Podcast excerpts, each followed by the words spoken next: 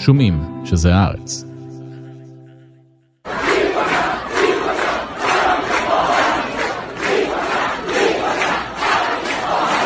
לפני כחודשיים פרצה באיראן מחאה אחרי שמשטרת המוסר הרגה צעירה בת 22 שנעצרה משום שלא עטתה את החיג'אב שלה כהלכה.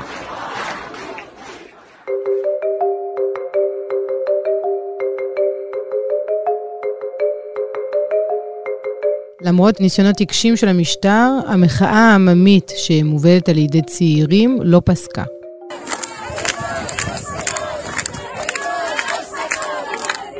בניגוד למחאות רבות בעבר, המחאה הנוכחית שואפת להפיל את השלטון ולא לתקן את המערכת. אבל הדרך לשם ארוכה. המשטר האיראני למד מטעויות העבר והצליח לבנות מערכות דיכוי ושליטה שקשה מאוד לערער אותן. היי, אני עמנואל אלבאס פלפס, ואתם מאזינים ומאזינות לחוץ לארץ. בפרק הזה אנחנו מנסים להבין האם הרפובליקה האסלאמית של איראן עומדת ליפול. איך זה קשור לג'ובניקים האיראנים ולשוטי הטרופית, ואיך דווקא המשטר האסלאמי הגשים את חלומו של השאה, והפך איראנים רבים לחילונים יותר. שלום לדוקטור אה, תמר אילם גינדין, מומחית לאיראן ממרכז עזרי באוניברסיטת חיפה, ובעלת בית הספר החדש המקוון לשפה הפרסית. שלום עמנואל. אז בואי נתחיל בבקשה מתמונת מצב. אה, מה קורה עכשיו מבחינת המחאות נגד השלטון, איפה הן אה, מתקיימות ועד כמה הן רחבות? אז נתחיל מזה שבעת הקלטת הפודקאסט אנחנו קרובים לחוד... יותר לחודשיים מאשר לחודש של המהומות. או הפרות הסדר, או המחאה, או ההפגנות, או המרד, או ההתקוממות, או כל אחד קורא לזה אחרת. יש כאלה שקוראים לזה כבר ממש המהפכה. אה, אלה הפגנות ומחאות, בעיקר של צעירים, הרבה צעירות, אבל לא רק, אה, נגד השלטון, כאשר בניגוד למחאות קודמות, זה לא נגד משהו שקרה או משהו שאפשר לתקן, אילו השלטון היה רוצה, אלא ממש, אנחנו לא רוצים את הרפובליקה האסלאמית.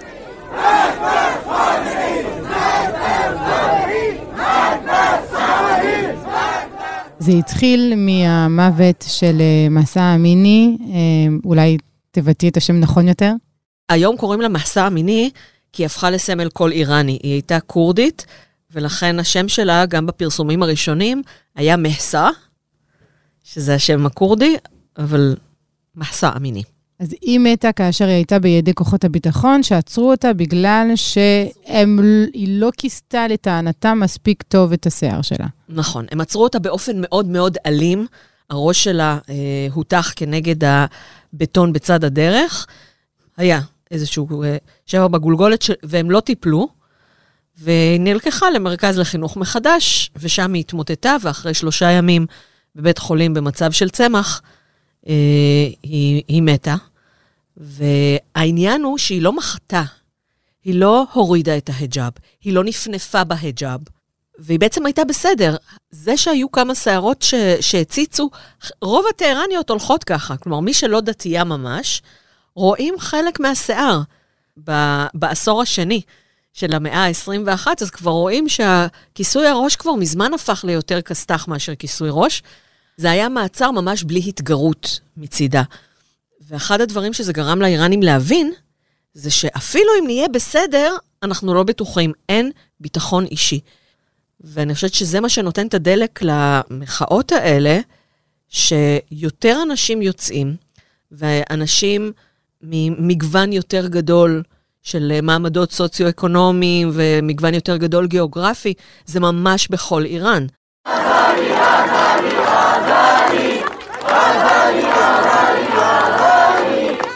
כלומר, כל פעם זה בעיר אחרת, כל פעם במקום אחד יש יותר. גם בטהרן אנשים יצאו לרחוב, מה שהם לא עשו בערך מ-2009, ובאמת אנחנו רואים שזה ממש על זה שאנחנו לא רוצים את הדיקטטור. זאת אומרת שזו מחאה חברתית, דבר שהוא חדש בהיסטוריה הדי ענפה של מחאות באיראן. אה, כן, כלומר, זה ממש על המהות של המדינה. כל הדברים האחרים שהיו, נגיד מחאות הדלק, שבעיקר התרכזו בשירז ובמעמדות נמוכים. אה, אז הממשלה, עקרונית, הייתה יכולה להגיד, טוב, אז לא נעלה את מחירי הדלק. אבל כאן הם צועקים מייגבר דיקטטור, מוות לדיקטטור, והם מניפות, את, מורידות את ההיג'אב ושורפות אותו, אבל זה לא שמחר אם חמנאי ימות, אז הם יגידו, אה, הכל בסדר, בואו נלך הביתה. או שאם, אה, וזה משהו שלא, שלא יקרה, אם יגידו מחר אנחנו מבטלים את החוק של ההיג'אב, אז זה לא שהם יגידו, אוקיי, בסדר, תמשיכו. אז אם את כבר יכולה להגיד בתחילת השיחה שלנו, אה, חוק החיג'אב לא אה, יבוטל, ובעצם זה לא ישתנה, ואנחנו כבר כמעט חודשיים לתוך המחאה הזאת, וזה קורה בעיקר בשעות הערב, ועדיין אנשים שיוצאים להפגין, אחרי זה גם מספרים שהם צריכים למחוק את הסרטונים מהטלפונים, בחשש שיבואו אליהם הביתה, ויש עדויות כאלה של משטר, משטרת הצניעות אה, מגיעה בבוקר. לאן זה הולך? זאת אומרת, מה האנד גיים של אותם מפגינים שיודעים שהחוק לא ישתנה? המטרה כאן היא לא שינוי החוק, המטרה היא להעיף את המשטר הנוכחי. גם אם החוק ישתנה, זה לא, זה לא יעזור. הם רוצים את החופש שלהם, הם רוצים חופש דת.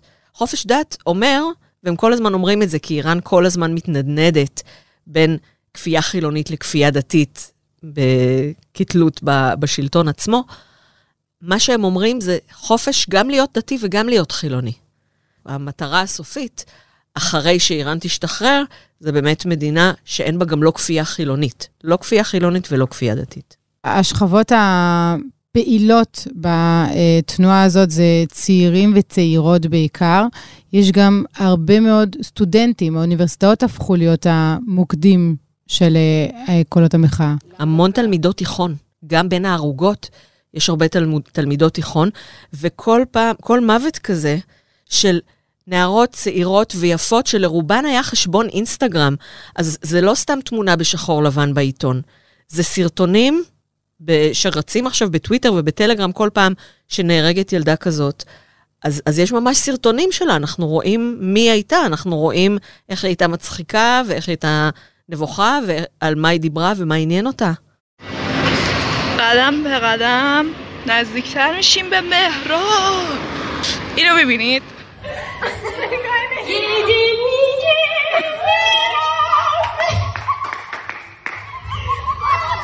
ועדיין לא חסמו את האינטרנט ואת הרשתות החברתיות? אה, כל הזמן חוסמים.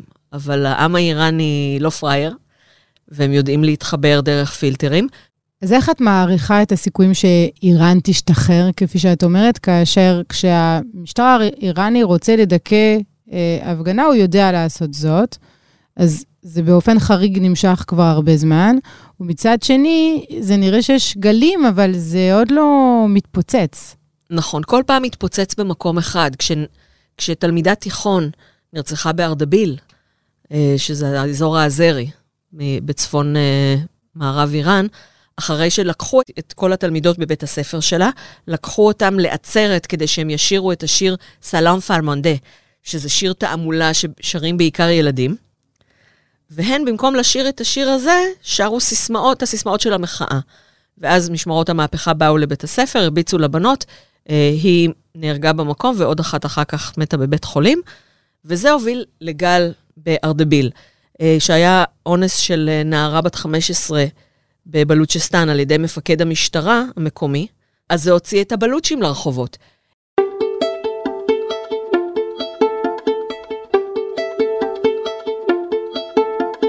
באיראן חיים כ-85 מיליון בני אדם. יותר מ-60% מהם הם פרסים, היתר אזרים, כורדים, ערבים ובלוצ'ים. יש במדינה גם אוכלוסיות קטנות של בהאים, טוקמנים, נוצרים וכמה אלפי יהודים. איראן מחולקת ל-31 פרובינציות בחמישה אזורים, טהרן, איספן, תבריז, קרמנשה ומשעד. לבני מיעוטים גישה פחות טובה לחינוך ושירותים ממשלתיים, ואחוזים גבוהים יותר של אבטלה ועוני. באזורי המיעוטים בהם פרצו מחאות באחרונה, הגיבו השלטונות באלימות יתרה ונהרגו בהם יותר מפגינים מאשר באזורים בעלי רוב פרסי. פעם אחרונה שראינו מחאה בפריסה גיאוגרפית כזאת, בפריסה סוציו-אקונומית כזאת, הפריסה הגילאית הייתה יותר גדולה. אה, וב, ועם כל כך הרבה זמן, זה היה ב-78-9, שזה באמת לפני המהפך השלטוני הקודם. אבל זה עדיין, יש עוד דברים שקרו אז וצריכים עדיין לקרות עכשיו, אה, כמו הצטרפות הצבא. זה מה שמחזיק כרגע את המשטר? זה הצבא? כי את אומרת שיש פריסה סוציו-אקונומית די רחבה של השתתפות מפגינים. כרגע זה בעיקר צעירים, למרות שממש עכשיו כשהתכוננתי, ראיתי ש-600 פרופסורים באוניברסיטה חתמו על, אה, על איזשהו מכתב לשלטונות, שתומך במחאה. אז כרגע אמרת שזה בעיקר צעירים וצעירות, וחסרים מבוגרים יותר, אנשים עמידים שיכולים לתחזק את העניין הזה? עוד דבר שהיה בכל המהפכות הקודמות, וכשאני אומרת כל המהפכות הקודמות, זה החל ממרד הטבק בסוף המאה ה-18, שכל איראן הפסיקה לעשן ביום אחד או בשבוע, אחרי שכל איראן נשנה, בגלל שהמלך נתן את הזיכיון על הטבק לבריטים. זה הכל היה בהובלה של אנשי דת. ב-79, ההבדל בין, המ... בין המהפכות הקודמות לבין 1979, היה שאנשי הדת, הפעם גם השתלטו על המדינה בתור שליטים. ובכל המחאות הקודמות הם הובילו את המהפכות, הובילו את המחאות, אבל נשארו בתור משפיענים, בחשנים, אבל לא השליטים עצמם. ובעצם מאז 1979, אנשי דת הם לא חלק מהובלות המחאה, אלא להפך, הם המחאה שעושים נגדם. זאת הסיבה שהמחאה הזאת לא תצליח, או לא יכולה להצליח לא כרגע, זאת אומרת... אני לא חושבת, אבל, אבל חסר ראש. כלומר, ב... בכל המחאות וההפגנות אה, וההפיכות הקודמות, היה ברור מי מוביל, והפעם אין, אין ממש הובלה. כלומר, יש הרבה שהיו רוצים להוביל, אבל אין אף אחד שכולם מסכימים עליו. מסיח עלי נג'אד, עיתונאית, שהיא מנהיגת מחאת ההיג'אב, בעצם המחאות הנוכחיות נולדו מתוך מחאת ההיג'אב. היא כבר כמה שנים מפעילה בכל הרשתות החברתיות אה, עמודים אה, שנשים איראניות היו שולחות לה בהתחלה תמונות שלהם בלי היג'אב בטבע ליד שלט בת איראן הצנועה היטיבך היג'בך. אמ, ולאט לאט זה נהיה במקומות יותר ציבוריים וסרטונים והתעמתויות עם אנשי דת. היא מובילת אה, מאבק זכויות אדם באופן כללי, אבל בפרט המאבק הזה של ההיג'אב. This is a protest for dignity, for basic rights. Women are being like hostage. For 40 years, women are being told that what to wear, how to think, what kind of lifestyle to follow. But this is the time that the revolution is gaining momentum. This is just the beginning of the end. היא זאת שהתחילה את יום רביעי הלבן, שביום רביעי אותות היג'אב לבן, כאות למחאה על זה שבכלל צריך לעטות היג'אב. היג'אב על מקל נולד מתוך זה, אבל זאת לא הייתה יוזמה שלה. מה זה היג'אב על מקל? לפני כמה שנים, אני כבר לא זוכרת כמה, צעירה בשם וידה נעמדה ביום רביעי והניפה את ההיג'אב הלבן שלה על מקל. ואז אה, הרבה נשים איראניות נוספות הורידו את ההיג'אב והניפו אותו על מקל, כולן נעצרו ונחקרו, חלק נעלמו, אבל זאת הייתה עוד מחאה שהייתה יותר ברשת מאשר אולי ברחובות, אבל מה שחשוב בימינו זה לא באמת מה שקורה, אלא איך זה משתקף ואיך זה נתפס. ברוב, ה, ברוב המקרים. אבל במקרה הזה של חילופי שלטון, זה חשוב גם מה שקורה בשטח. התנועה הזאת, המחאה הזאת, האם היא אה, נכנסת אל תוך המשפחות באיראן? כלומר, שיש חילוקי דעות גדולים אה, גם בתוך החוגים החברתיים הפנימיים, או שזאת הסכמה רחבה מאוד של העם שהדברים צריכים להשתנות, ולו רק הצבא היה מצטרף, ואנשים שמחזיקים מאוד עם האושר שלהם את השלטון, ואז אפשר היה לשנות את זה. זה נורא קשה להגיד, כי אני חשופה, אני עוקבת ברשתות החברתיות גם אחרי ה... נקרא לזה בשפה הלא מקצועית, גם אחרי הטובים וגם אחרי הרעים. אמ, אני חושבת שלרוב האנשים הפשוטים בפריפריה, בכפרים, פחות חשוב מי שולט בהם. יותר חשוב להם שיהיה להם מה לאכול. גם uh, עדיין יש הרבה אוכלוסייה כפרית, והם גם נוטים להיות יותר דתיים, אז לא כל כך אכפת להם שיש כפייה דתית.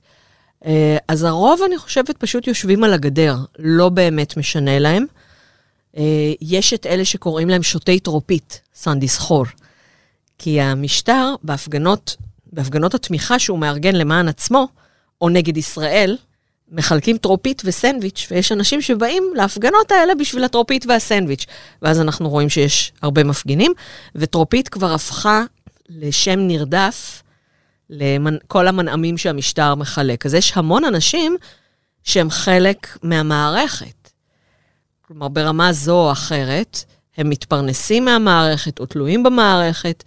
יש גם אנשים שהצליחו לשטוף להם את המוח.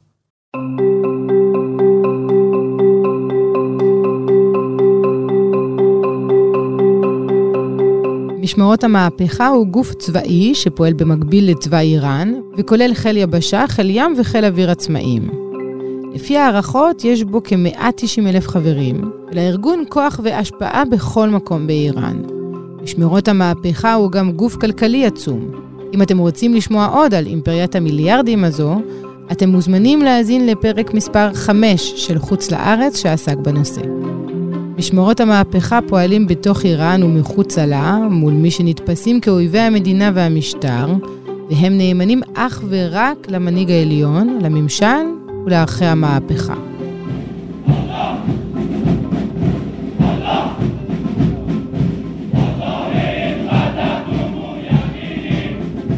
כוח קוץ, הכוח המיוחד של הארגון, פועל בכל המזרח התיכון על מנת לקדם את המטרות האסטרטגיות של המנהיג העליון ושל המשמרות. כוחות קוץ נשלחו לסוריה, עיראק ולבנון, פעמים רבות הם מגייסים לוחמים זרים לשורותיהם. משמרות המהפכה אחראים גם על דיכוי מחאות, זיהוי פעילות חתרנית וטיפול בה. לפי פרסומים במערב, רק בחודשים האחרונים הרגו המשמרות מאות אזרחים במהלך דיכוי ההפגנות. אחד האתרים הבולטים בדיכוי האזרחים באיראן הוא כלא אבין, ב-1979 הוא הפך לאחד מסמלי המהפכה, כשמתנגדי המהפכה נכלאו בו, והוצאות המוניות להורג נערכו בין כתליו. לפי עדויות שיצאו עם השנים, בין הנרצחים באותה תקופה היו גם לא מעט נערות שנאנסו בפקודת כהני דת לפני הריגתן כדי שלא יגיעו לגן עדן. היום כרבע מהאסירים הפוליטיים באיראן מוחזקים באבי. הם ישנים על רצפת תאיהם ורבים מוחזקים בבידוד. בעקבות האירועים האחרונים התרחשה מהומה בכלא, ודלקה שפרצה במקום גבתה את חייהם של כמה אסירים. במשך שנים, אה, בעיקר בתקופת אה, טראמפ, שמענו כל הזמן איך הסנקציות על איראן הולכות אה, לכופף את השלטון, למוטט את המשטר, ודווקא עכשיו אנחנו רואים שאולי האיום הגדול על המשטר הוא בא מהחברה עצמה. ומה שאנחנו מדברות עליו אה, כרגע. אמ, אבל בכל זאת, היו באמת רגעים בהיסטוריה המודרנית של איראן, שהמצב הכלכלי הוציא את האנשים לרחוב. היו גם הפגנות שאנשים כעסו שהכסף הולך לחזבאללה, וששולחים אה, אנשים להילחם בסוריה, ומה קורה איתנו. זאת, זאת סיסמה, אני חושבת, כבר בת 20 שנה. נא כזה, נא לובנון, ג'ון אמפאדו, יהיה איראן. לא עזה, לא לבנון, נשמתי קודש לאיראן. זה שהם מוחים על זה שנותנים את הכסף שלהם אה, בעצם כדי לתמוך במלחמה שהיא אפילו לא שלהם, זה משהו שמכעיס אותם כבר שנים. אבל כשהעם מגיע כרגע למצב שהוא אומר, אנחנו רוצים להחליף את השלטון, וזה מתחיל מדרישה של לשים סוף לכפייה דתית, אפשר גם לצרף לעצמך עוד טיעונים, כמו המצב הכלכלי שלי לא טוב כבר המון שנים, וגם על זה השלטון צריך לתת דין וחשבון. אז השאלה, למה אה, הטיעונים האחרים שיכולים לשחק לטובת אה, מתנגדי המשטר, לא באים ולא מתווספים פה למחאה הנוכחית? אני חושבת שזה בגלל שאלה באמת טיעונים גנריים, ואלה טיעונים שלא קשורים למשטר הספציפי הזה. גם לנו יש יוקר מחיה. כל העולם עכשיו, בגלל המלחמה באוקראינה, נמצא במשבר כלכלי. אז זה לא, זה לא משהו שהוא ייחודי. הם רוצים עכשיו, האגנדה שלהם, זה לא שיהיה להם אה, שהם ביטחון תזונתי או ביטחון כלכלי, או שום דבר אחר. הם רוצים את החופש שלהם. זה משהו שנורא קשה לנו להבין, כי אנחנו אומרים, איראן זה כאן, איראן זה כאן, אבל אנחנו יכולים לצאת לרחובות ולהגיד מה שבא לנו. אני לא שמעתי על אף בלוגר ישראלי שנעצר למשפחה שלו לא אמרו כלום, ואחרי ארבעה ימים הביאו להם את הגופה. אני לא שמעתי על אף עיתונאי ישראלי שמת והחזירו את הגופה שלו לארץ, והשלטונות גנבו אותה וקברו אותה רחוק כדי שלא יהיו הפגנות. קרה עכשיו, ממש בשבועות האחרונים. לזר חקיקת נג'אד, עיתונאי של אה, רדיו פלדה, מת מסרטן בגיל 45 באירופה. ההורים שלו קיבלו, המשפחה שלו קיבלה רשות להביא את גופתו לקבור במקום שבו הוא נולד, ומשמרות המהפכה העלימו את הגופה שלו. ואחר כך קברו אותה במקום רחוק ממקום הולדתו. אבל מה שקרה זה שהקבר שלו נהפך למקום עלייה לרגל, נהפך לאיזה מקדש כזה, שצעירים באים ושמים פרחים ושרים בראיה. שזה? זה השיר של אה, שרווין הג'יפור, שמורכב מציוצים ברשת. برای توی کوچه رخصیدن برای ترسیدن به وقت بوسیدن برای خواهرم خواهرت خواهرامون برای تغییر مغزها که پوسیدن גם עליו יש אה, סיפורים, כי מישהו ממשמרות המהפכה הוציא עליו זכויות יוצרים, ואז בחלק מהמדינות אסור להשמיע את, ה, את האודיו שלו. זה חסום. והוא נעצר, נכון? הוא נעצר, הוא בילה במעצר כמה זמן, יצא, פרסם באינסטגרם שלו סרטון, הכל בסדר, אל תדאגו לי, רק רצו לוודא שאין אף גורם זר שמממן אותי, אני לא רוצה להתראיין לאף אחד, כי אני רוצה, אני רואה את העתיד שלי במדינה הזאת. בקיצור, כאילו מה שאמרו לו להגיד כנראה. בהפגנות קודמות, נגיד ב-2011, ההפגנות היו מאוד מעטות, נשים פחדו לצאת לרחובות, אבל היו ממש וידאוים שכקריאה להפגנה נגד המשטר או לש... לחילופי המשטר, אנשים צעקו אללה אכבר מהמרפסות. עכשיו, הווידאוים הם של מרפסות בלילה שאנשים שרים בראיה. כלומר, זה ממש אה, עבר, עבר פה מהפכה חילונית. چهره ای که میخنده برای دانش آموزا برای آینده برای این بهشت اجباری אז כרגע הפוקוס של האיראנים הוא על החופש שלהם, אה, והפוקוס של העולם, כשמדברים על איראן, את יודעת, 50 פלוס ימים זה כבר הרבה זמן, במונחים של תקשורת בינלאומית, אז עברנו להתעסק אה, במל"טים האיראנים שמשחקים תפקיד במלחמה של רוסיה באוקראינה. האם זה גם נוכח אה, בשיח הציבורי באיראן? אני רואה את זה מדווח ב- בעיתונות, אני פחות רואה את זה ברשתות החברתיות. כלומר, הרשתות החברתיות זה ממש מלחמת השטגים בין לפקודתך חמנאי לבין השמות של ההרוגים ו... אה, ודברים כאלה. ואיך אה, את אה, מפרשנת את ההתקרבות או הידוק היחסים בין איראן לרוסיה בהקשר הזה? זאת, זה גם מעין ברית מנודים. אה, שתיהן עכשיו תחת חרם, אז הן יכולות חופשי לסחור אחת עם השנייה. זה אחת הסיבות שהיה צריך לעצור בעצם את שיחות הגרעין, זה שרוסיה הייתה אמורה להיות בצד של המבוגרים שם. וזה לא כל כך, אה, לא כל כך עבד. פוטין מתחילת המלחמה אמר, אני רוצה ל- לקשור את החרם על רוסיה בחרם על איראן, ועצר ככה את השיחות. אמ, אני חושבת שמאז ומתמיד, גם רוסיה הייתה לצד איראן בזמן שהיא הייתה תחת סנקציות.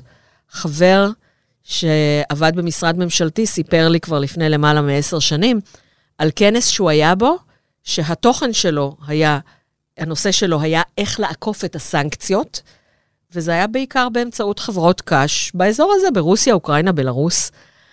אמ, פוטין הוא אחד החברים הטובים של המשטר, ובגלל זה זה גם כבר יותר מעשר שנים, אני חושבת שהסרטון הראשון שראיתי על זה היה ב-2009. ראו שם הפגנה גדולה שהכרוז צועק, מרק בר ישראל, מוות לישראל, וכל הקהל עונה לו, מרק בר רוסיה, מוות לרוסיה. אה, כלומר, ברגע שרוסיה היא חברה טובה של השלטון, אז העם שונא אותה. מה שהשלטון אומר שחור, העם אומר לבן, מה שהשלטון אומר לבן, העם אומר שחור. גם במטוטלת הזהויות, בין הרצון להיות מוסלמים לבין הרצון להיות מערביים, מה שהשלטון מושך תמיד לכיוון אחד, השם משך לכיוון המערבי, העם משך לכיוון האסלאמי. עכשיו, בעצם היחידים שיכלו להגשים את חזון השאה, גם האחרון, מוחמד רזה פהלוי, וגם אבא שלו, רזה פהלוי, שניסו למשוך לכיוון החילוני, היחידים שהצליחו להגשים את החלום הזה, את החזון הזה, זה הרפובליקה האסלאמית באמצעות כפיית האסלאם. איראן מעולם לא הייתה כל כך חילונית כמו היום. זה לא שכולם חילונים, אבל יש הרבה יותר חילונים, הרבה יותר אנשים שמגדירים את עצמם חסרי דת בכלל. הרבה אנשים שמגדירים את עצמם זרואסטרים או יהודים, למרות שהם לא, או בודהיסטים או כל מיני כאלה, העיקר לא להיות כמו השלטון. אם השנאה לשלטון היא עוצמתית עד כדי שאנשים אה, מאמצים לעצמם דת, העיקר לא להיות כמו אנשי השלטון, מה כרגע מחזיק את השלטון? מה הלגיטימציה שלו? איפה היא שוכנת? הוא מחזיק מעמד אך ורק באמצעות אה, דיכוי? אה, קודם כל, גם באמצעות טרופית, כאמור, אה, שזה, שיש הרבה אנשים שקשורים לשלטון ויודעים שבה, שאם תהיה מהפכה, שאם תהיה עכשיו מהפכה, אז יקרה להם מה שקרה לכל תומכי השעה ב-79, ואנחנו זוכרים שזה היה או כלא, או הוצאות להורג, או שהם היו צריכים לברוח, או ירדו מנכסיהם, כלומר, לא, גורלם לא הולך להיות כל כך טוב, כנראה. אז כל מי שעובד במשרות ממשלתיות, אה, במנגנוני הביטחון. אה, כן, עכשיו, מנגנוני ו... הביטחון, אה, הפקידות הנמוכה במשמרות המהפכה זה חיילי חובה איראנים, שזה השירות הנחשק ביותר, כי לא עושים כלום. זה שירות משרדי בטהרן, זה כמו לשרת בקריה. רק בלי מוטיבציה של להגן על המדינה שלך, כי הם, הם רוצים להגן על איראן, אבל לא על הרפובליקה האסלאמית. הפיקוד הבכיר, כמובן איראנים שותי טרופית, ורוב החיילים, אלה שאנחנו, שנשלחים גם לסוריה להילחם, וגם אלה שמדכאים ברחובות, לפי עדויות של אנשים שאומרים, הם לא מדברים ביניהם פרסית, הם מדברים ביניהם ערבית. אה, זה הרבה שכירי חרב. ברגע שיגמר הכסף לשלם להם, אז נצטרך לראות מה קורה. אה, בעצם הרפובליקה האסלאמית למדה מהטעויות של השאה. הם מאוד מאוד חכמים. יש את הצבא שמגן על גבולות המדינה מבפנים, יש את המשטרה, שזה לביטחון פנים, ויש משמרות המהפכה, שזה גוף מקביל לגמרי, יש לו חיל יבשה, חיל ים, חיל אוויר, חלל. כאשר משמרות המהפכה חופף להכל, והמשמרות לא שומרות על איראן, הן שומרות על המהפכה. הן שומרות על המהפכה גם מפני האויבים מבחוץ, ועם זה האיראנים מסכימים.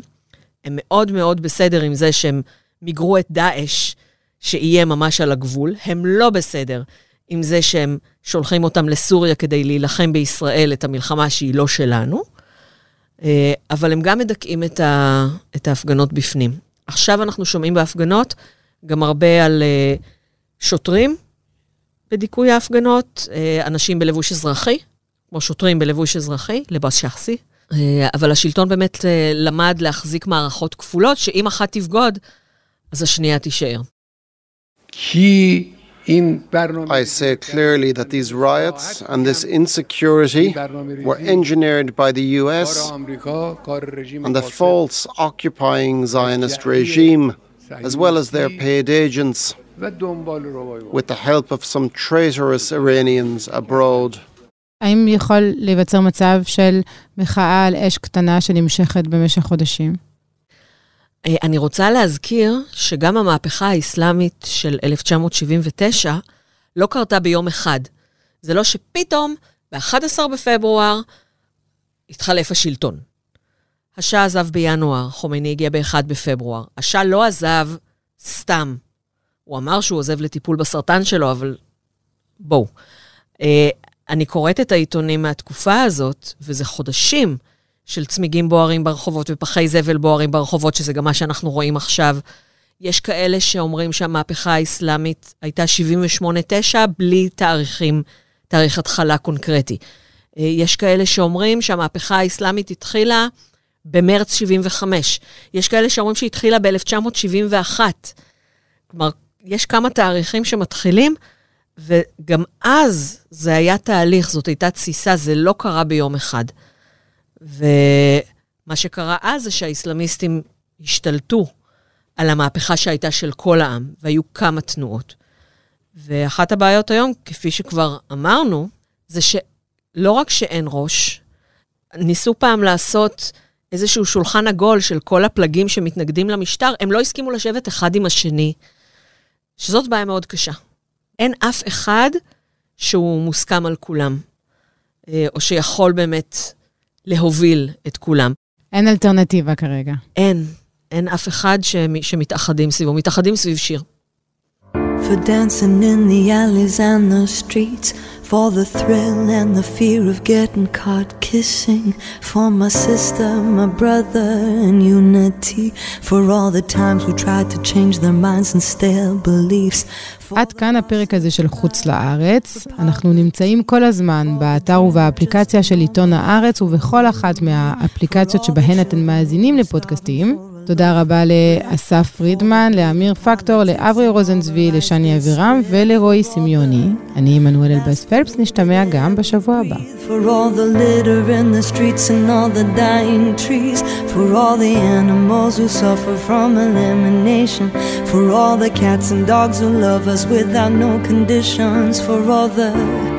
Tears that seem to never end for all the images that keep on turning in our heads.